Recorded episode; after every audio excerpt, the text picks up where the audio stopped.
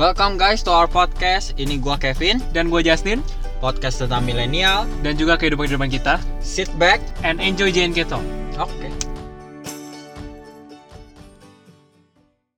Hai, welcome guys to our podcast. Ini gua Kevin. Dan gue Justin. Ya, ini podcast yang punya pemikiran dari kita berdua. Kita mencoba untuk coba mencari tahu hal-hal milenial apa ya ngomongnya gitu. Iya, Ya, bet- betul banget sih Vin. Jadi eh gue juga kenapa sih gue mau ngebuat podcast ini juga bersama Kevin karena gue cuma pengen sharing ilmu yang gue tahu yang mungkin aja bisa ngebantu orang-orang yang ngedenger ini gitu Vin. Kalau menurut lu lu kenapa sih Vin mau juga nih? Kita kan mau bikin podcast bareng. Nah, kalau alasan gue ti eh alasan gue sih itu gue pengen pendengar-pendengar gue itu jadi ngerti gitu Vin Ah, maksudnya gimana sih dia bisa mempersiapkan ke depannya atau mencapai-capai impian dia gitu. Atau mungkin kita gue pun juga masih belajar gitu Vin. Makanya gue mulai podcast ini untuk biar kita sama-sama belajar. Kalau buat lu gimana nih Vin? Kenapa lu mau mulai podcast ini Vin? Kalau menurut gua agak mirip-mirip sih sama lo. Ini gua buat podcast ini dengan pemikiran kayak ini sebagai friendly rem- reminder gua kali. Kayak ini dulu gue pernah bicara tentang ini dan kenapa gua nggak aplikasiin ke hidup gua gitu. Jangan cuman omong doang gitu lah. Gue pengennya ini sebagai uh, cara gua untuk mencoba beraksi. Dan coba kayak sama kata lu sih mirip-mirip banget sih kayak mau semoga orang lain ini yang denger juga dia merasakan di hidupnya oh saya butuh ini gitu Nah, sama ini juga sih, Vin. Eh, bu, eh, menurut gua sebelumnya nih buat pendengar-pendengar kita yang nanti ke depannya bakal ada gitu.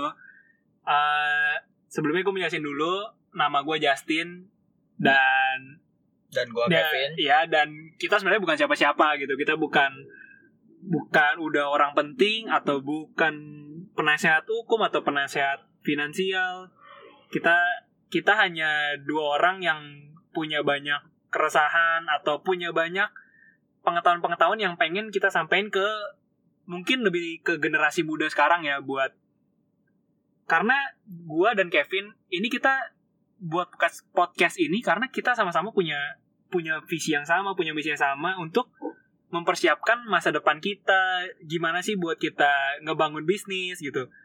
Ya eh, kalau gue boleh cerita sedikit, gue memang punya bisnis, tapi masih bisnis baru yang masih gue kembangin dan sambil gue belajar, gue juga pengen sharing-sharing sih ke ke pendengar gue ini. Nah kalau lu gimana Vin? Boleh juga lu ceritain tentang lu itu seperti apa Vin? kalau diri gua ya kalau gua belum pernah menjalani sebuah bisnis makanya dengan ini uh, sebuah podcast ya bisa dibilang podcast ini mudah ya gampang untuk dimulai tapi gampang juga untuk hancur gitu loh. Kalau nggak ada konsistensi ini nggak bakal berjalan. Dan mungkin dengan gua menjalani ini gue setidaknya tahu lah dasar-dasar berbisnis. Apa aja sih yang dibutuhin dan apa risiko-risikonya. Dan ini sebenarnya podcast tuh hal menurut gue sendiri tuh hal termudah. Yang lu butuh cuman handphone sebenarnya. Handphone tuh bisa. Dan sekarang tuh udah dunia digital. Eh, buat hosting yang podcast pun gampang gitu. Gratis lagi udah di mana pun bisa. Begitu aja sih menurut gue kalau di guanya sendiri. Nah, kayak di video perkenalan kita ini, gue mau ngejelasin dulu buat nantinya pendengar-pendengar kita yang bakal denger podcast ini, eh, topik-topik yang mau kita bawain ini di ke depannya adalah lebih utamanya sih tentang arahnya ke milenial ya bener banget Vin arahnya ke milenial. Nah, kenapa sih kalau dari sisi gue itu gue mau ngebahas tentang milenial, sedangkan gue pun juga hitungannya gue masih generasi milenial dan gue sama Kevin pun terhitung masih muda juga gitu. Maksudnya kok kita ngomongin orang yang kita sendiri pun masih sebenarnya masih dalam tahap proses itu. Nah, maksud yang gue sebenarnya adalah gue cuma pengen sama Kevin ini ngebagi opini-opini kita karena kita, eh, kita tuh merasa kok milenial sekarang makin banyak yang hidupnya tuh makin malas karena apalagi dia udah dibalut dengan kemudahan. kemudahan betul banget Vin. Kemudahan-kemudahan yang seperti udah ada ojek online yang kalau dulu itu gua aja dulu tuh kalau misalkan mau pergi jauh gua harus pergi keluar rumah dulu ke depan gang buat nyari ojek pangkalan yang biasa udah ada langganan gitu. Nggak nggak kayak sekarang gitu udah tinggal ojek online. Masih zamannya opang. Iya masih zamannya opang bener banget Vin. Nah jadi yang mau gua sampein itu kenapa arahnya ke situ? Karena gue sadar gitu kalau gue nggak mempersiapkan sesuatu dari sekarang atau gue nggak memulai sesuatu dari sekarang mungkin ke depannya gue juga bakal jadi orang yang biasa-biasa aja gitu atau sama-sama yang lain dan bukan berarti kalau hitungannya nih kan gue ini sebenarnya masih ya hitungannya gue masih muda juga masih sangat muda gitu gue ini baru memulai awal-awal dari bisnis, investasi. Nah inilah yang mau gue sharing opini aja. Gue mau sharing siapa tahu ada orang yang bisa memulai hal sama atau kita saling mengasih uh, feedback biar kita bisa saling belajar dan bisa sukses bareng. Itu sih menurut gue agar biar pendengar-pendengar gue juga bisa gitu. Kalau menurut lo gimana, Vin? Ya menurut gue juga milenial itu untuk mendapatkan sesuatu tuh udah mudah ya di zaman industrial 4.0 apa aja yang bisa didapetin cuman butuh internet sama smartphone buka account apa pun bikin bikin website aja menurut gua tuh udah gampang banget lu nggak usah butuh coding. Yang lu butuh cuman keinginan doang. Asalkan lu ada keinginan untuk membuat sesuatu lu pasti bisa. Tapi uh, kita tuh terlalu sering mikirin apa ya kayak puncaknya dulu. Kayak misalkan kayak gue pakai ikutin misalkan lu pengen manjat manjat gunung atau gimana lu udah mikirin atasnya bagaimana puncaknya. Wah gue bisa melihat sunset gue bisa melihat sunrise gitu loh. Lu udah seneng gitu. Tapi pas lu proses naiknya lu berpikiran kayak hmm, capek ya males ngapain ya gitu. Akhirnya lu balik lagi turun dan akhirnya lu buka YouTube malahan lihat sunrise. Hasilnya sama lo lihat sunrise. Tapi experience-nya? Ya uh, menurut gue sih Vin bener juga sih kata lu. Tapi kalau dari gue sih yang gue lihat uh, kebanyakan tuh orang itu udah mikir seperti kalau juga Vin udah mikir tuh ujungnya dulu bukan prosesnya dulu. Harusnya misalkan uh, gue pengen jualan minuman bubble. Nah habis itu yang gue pikirin oh nanti kalau gue jual dengan harga dua puluh ribu modal gue sepuluh ribu oh berarti gue untung sepuluh ribu berarti dengan kok kumpulin sepuluh ribu kalau sehari gue bisa jual berapa ratus oh bisa dapat keuntungan segini nih tiap bulannya. Biasa orang cuma mikir oh gitu ya kalau gue untung gini oh yaudah gue jualan bubble aja deh. Nah maksud gue yang sebenarnya tuh yang harus orang pikir adalah misalkan gue mau jual minuman bubble gitu. Gue mau jual minuman bubble dengan harga dua puluh ribu modal gue sepuluh ribu. Nah yang orang nggak pikirin itu adalah ada resiko-resiko lain nggak? Kayak contohnya, oh nanti kalau ada bubble-bubble gue yang bubble-nya ini kualitasnya jelek, apakah gue harus ganti atau gue tetap kasih aja ya ke pelanggan? Terus kalau misalkan nanti gue butuh karyawan atau misalkan oh ternyata sewa tempatnya mahal atau misalkan oh ternyata harga terigunya nggak sesuai dengan ekspektasi gue. Nah itu jadi orang biasanya nggak siap di saat itu. Mereka mikir ide, punya ide tapi pas pas dieksekusi mereka ternyata nggak siap atau bahkan lebih parahnya lagi kebanyakan orang juga mereka berpikir sebuah ide terlalu iya. berpikiran idenya iya mereka berpikir sebuah ide maksud gue tuh ide itu bisa dimiliki orang bisa dimiliki siapa aja tapi eksekusi itu hanya beberapa orang yang bisa pin hmm, bener ide menurut gue ide itu tidak ada harganya ide itu hanya sebuah pemikiran kalau tidak ada aksi, ide pun tetap akan menjadi nol. Betul banget. Tapi butuh waktu. Semua orang tuh pasti butuh waktu untuk berkembang tuh butuh waktu. Bayi aja yang buat jalan, untuk jalan itu butuh setahun. Sama kayak bisnis, bisnis juga seperti itu menurut gua tuh, walaupun gua nggak pernah gitu loh. Hmm. Waktu itu paling pasti menentukan segalanya. Asalkan punya yang paling penting tuh keinginan, tekad lu bagaimana, kon dan konsistensi lu bagaimana kalau itu lu bisa lu pegang benar-benar gue percaya lu pasti bisnis lu pasti jalan tapi ada hoki juga kali ya Ya jadi uh, benar sih Vin. Yang lu bilang juga benar maksud gua. Uh, kalau gua kan juga menjalankan bisnis untuk sekarang. Menurut gua ya benar kita uh, kita tuh harus memikirkan dan kita, jangan lupa kita juga harus aksi gitu. Kita kan harus melakukan juga karena kalau gue lihat orang kadang gimana ya porsinya itu kurang tepat. Kadang ada yang mikirnya kelamaan, nggak jalan-jalan, ada yang mikirnya bentar langsung jalan gitu. Hmm. Jadi kalau biasa sih kita seimbang gitu. Karena menurut gue, gue pun gue pun jalanin bisnis. Bisnis itu pasti pasti ada pasti ada yang namanya eh di di mana masa-masa tuh lu ada ke apa ya namanya kerugian. Itu tuh udah pasti ada karena gue pun jalan bisnis pasti ada. Yang paling sering tuh apalagi kalau lu berpartner tiba-tiba partner lu yang mungkin partner lu temen lu sendiri yang temen biasa lu main tiba-tiba kok dia jadi orang beda saat bisnis? Nah, itu sering banget. Yang gue rasain ya dari gue buka bis jalanin bisnis buka bisnis baru itu gue sering ngalamin hal itu. Nah maksud gue hal-hal seperti itu hal-hal yang maksud menurut gue lazim terjadi tapi gimana cara lu ngatasinnya gimana cara lu menanggapinya itu yang orang jarang punya. Menurut gue sih gitu Vin. Nah Dan- kalau ya kalau menurut lu kan walaupun lu tidak punya bisnis tapi kenapa maksud gue gue juga berani gitu ngajak lu podcast beropini. Karena gue tahu lu tuh sering baca buku sering maksudnya lu tuh sering mempelajari hal itu Vin. Jadi walaupun lu gak punya bisnis tapi lu bercapable Vin untuk berbicara soal itu Vin. Menurut gue sih makanya gue setuju sama pembicaraan lu seperti itu. Kita tuh hidup di mana resiko tuh ada di segalanya ya. Sama kayak lu misalkan dalam waktu lu SD SMP SMA aja gue bilang ada resiko kayak lu mencoba untuk memilih antara dua dua SMA SMA A sama SMA B. Itu juga ada resikonya sih. Misalkan SMA lebih deket dari rumah lu tapi mahal SMA B jauh tapi murah. Lu biasanya tapi resikonya yang lu ini nggak berasa kalau masih SMP SMA hanya sebatas kecil kehidupan doang lah bisa dibilang. Soalnya kita kan juga nggak terlalu mikirin tentang uang terus kita nggak mikirin uh, perjalanannya gimana.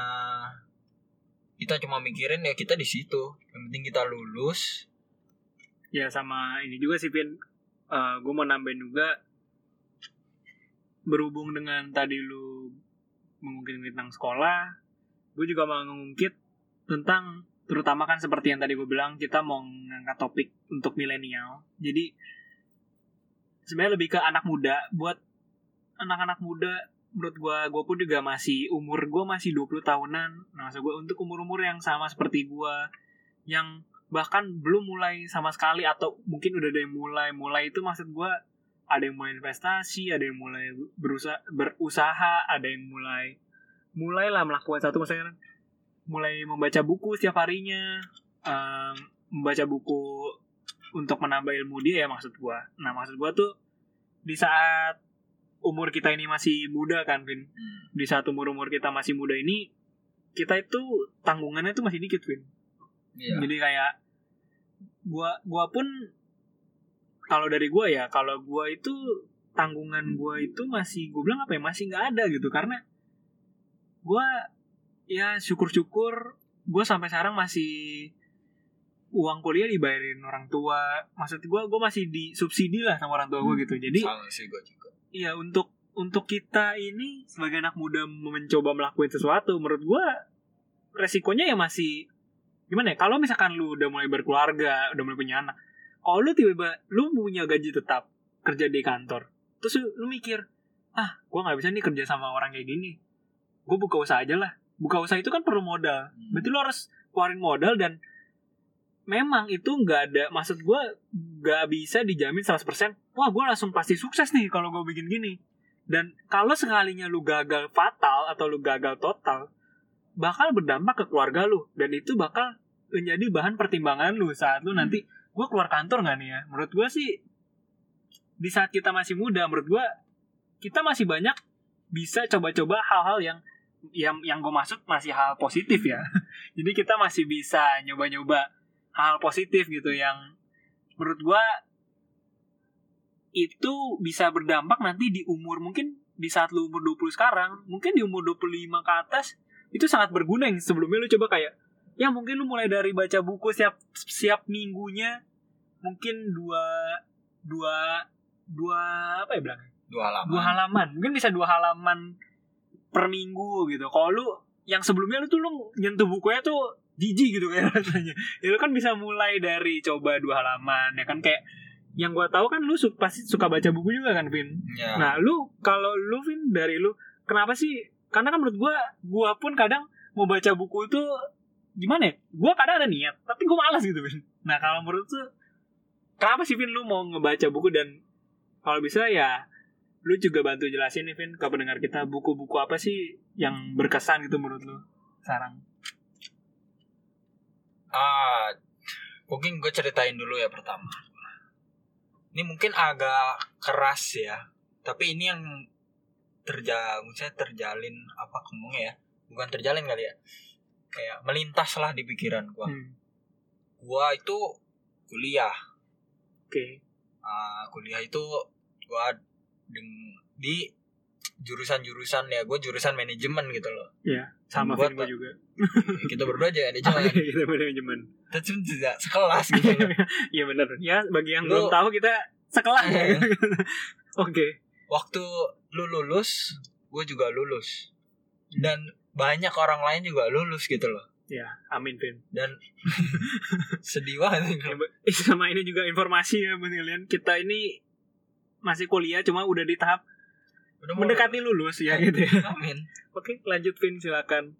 Dan pokoknya gue waktu gue memikirkan ini waktu gue seminar gitu. Seminar yang gue dipang dipanggil lah bilangnya wajib. Kita tuh manajemen datang ke ke satu tempat dan yang gue lihat itu kayak orang banyak banget.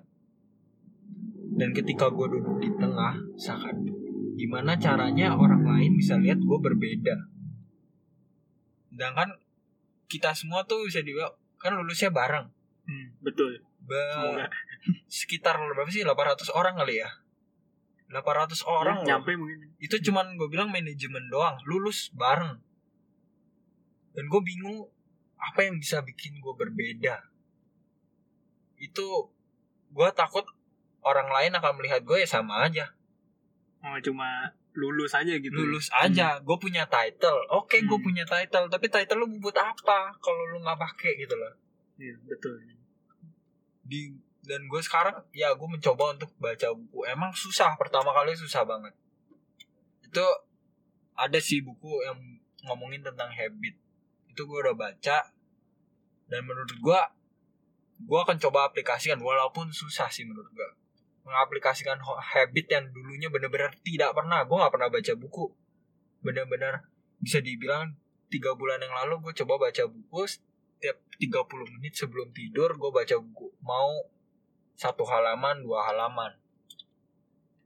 Buku yang pertama kali gue baca itu tentang self value di buku itu mengatakan semua orang itu berbeda nah yang buat beda itu adalah value lu. Value nilai-nilai yang lu punya tapi orang lain nggak punya. Dan waktu gue baca itu gue sadar. Gue nggak punya apa-apa maksudnya gitu loh. Bisnis gue nggak punya. Gue cuman ikut organisasi aja gue nggak gitu loh. Menurut gue dulu organisasi ngapain gitu loh. Gue males. Organisasi buang-buang waktu gitu menurut gue hmm. Tapi ya mungkin bagi orang itu bagi orang lain perlu gitu loh. Hmm, sekarang itu gue baru ngerasain ah harusnya gue ikut. Itu organisasi ya? Hmm, harusnya gue ikut ini harusnya gue ikut itu. Gue gue gue juga sedikit cerita tentang gue juga Vin. Walaupun ya ini gue sama Kevin ini satu kuliah tapi kita pernah juga beda kelas kita pernah satu kelas.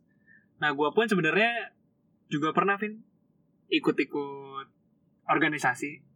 Walaupun cuma ya cuma bentar habis itu keluar karena gue pikir gue gak kuat Vin.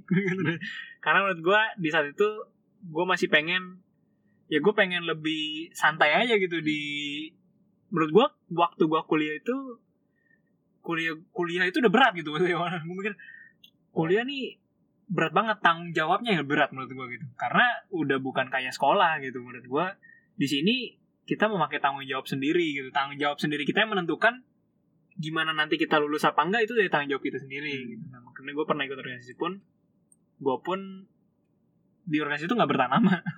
Gue juga langsung keluar gitu Vin. Nah kalau dari yang tadi lu buku-buku yang lu baca itu Vin eh ada satu apa nggak Vin yang maksudnya yang bisa lu sampein dari buku itu Vin? Yang gue sampaikan. Hmm. Kayak misalkan yang lu baca tentang habit oh ternyata tuh lu nggak boleh nih gini gini nih gitu. Gitu lu harus benerin nih hal-hal yang sering lu lakuin ternyata tuh salah gitu. Ada nggak sih yang udah lu baca gitu habit kalau tentang habit yang palingnya apa sih melekat lah ya. Hmm. dan pak yang gue lakuin sekarang itu adalah kalau lu pengen habit sesuatu lakuin semudah mungkin semudah mungkin. Semudah dan secepat mungkin. 5 detik 2 detik. Tapi lu lakuin konstan. Konsisten. Hmm. itu pe- lebih pentingan seperti itu. Quantity over quality kalau lu pengen emang buat habit. Oh jadi berkata gua mencobanya ini pelan-pelan gitu. Kayak Hmm. continuous improve continuous improvement nih jadi gua lebih baik ngelakuinnya itu pelan-pelan tapi selalu selalu Hmm. lakuin kayak ibarat kata mungkin. Contohnya nih dari gambaran gue yang dari lu katain. Katakan.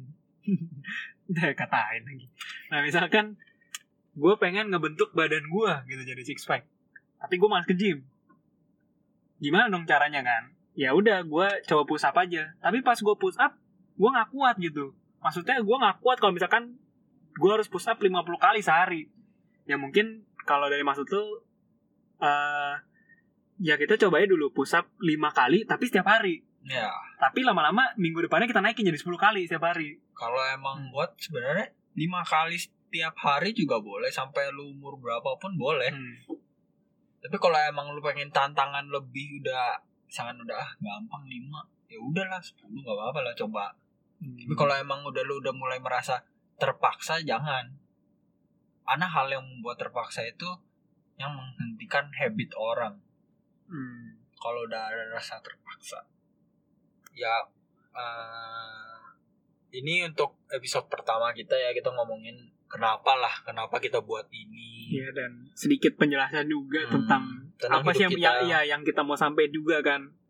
kita Ya. pengen setidaknya ya kalau yang mendengarkan memang merasakan ya mana ya maksudnya Ya maksudnya itu ya jadi kita kan pengennya yang mendengarkan juga mungkin ada yang ngerasain hal yang sama, punya keluh kesah yang sama, keluh kesah yang sama dan juga eh, maksud yang kita mau sampai ini gue sama Kevin ini kita mulai mulai mencoba hal-hal yang kita omongin ini gitu.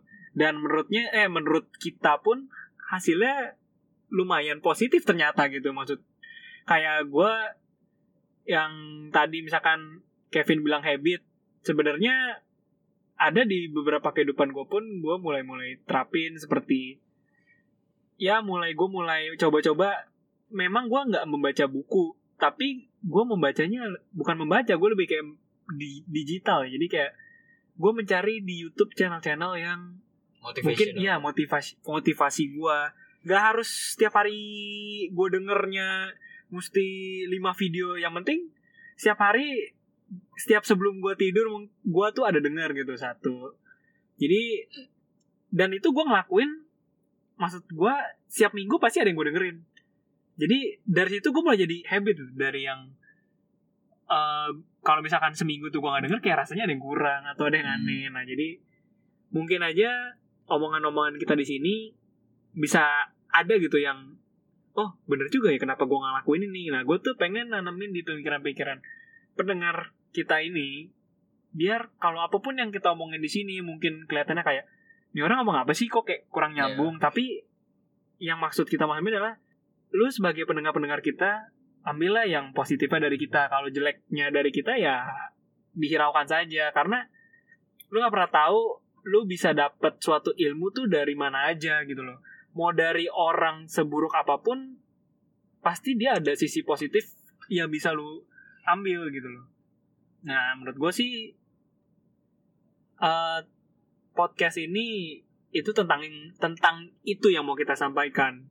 Tentang bagaimana pendengar-pendengar kita bisa ngambil eh hikmat Iya. hikmahnya lah. Hikmah positif gitu ya. Nah. ngambilnya tuh positifnya. Jangan mikirnya kayak di podcast nggak jelas amat atau kayak gitu. Maksud gue ya gitulah ambil yang positifnya aja yang ke depannya pun kita tetap bakal terus bakal perbaiki gitu. Hmm. ini kan masih awal kita juga ya s- pot ini benar-benar episode pertama yang Ya, mungkin betul, banyak kesalahan.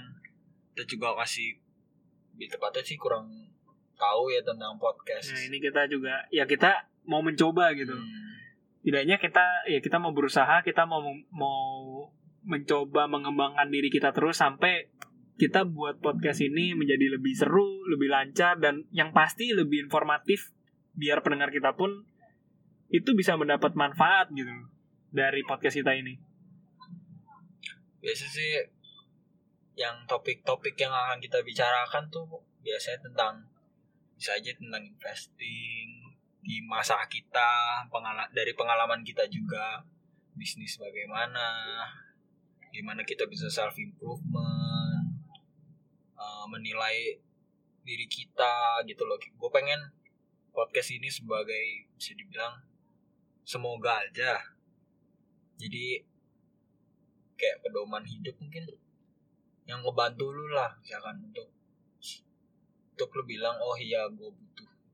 Oke berikut adalah episode pertama kita. Kita menceritakan bagaimana kita ini terbentuk.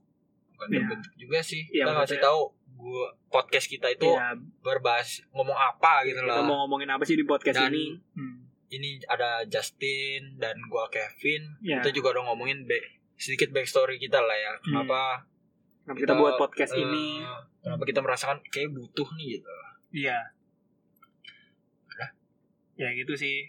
Dan sama terakhir yang gue mau sampaikan juga, Vin.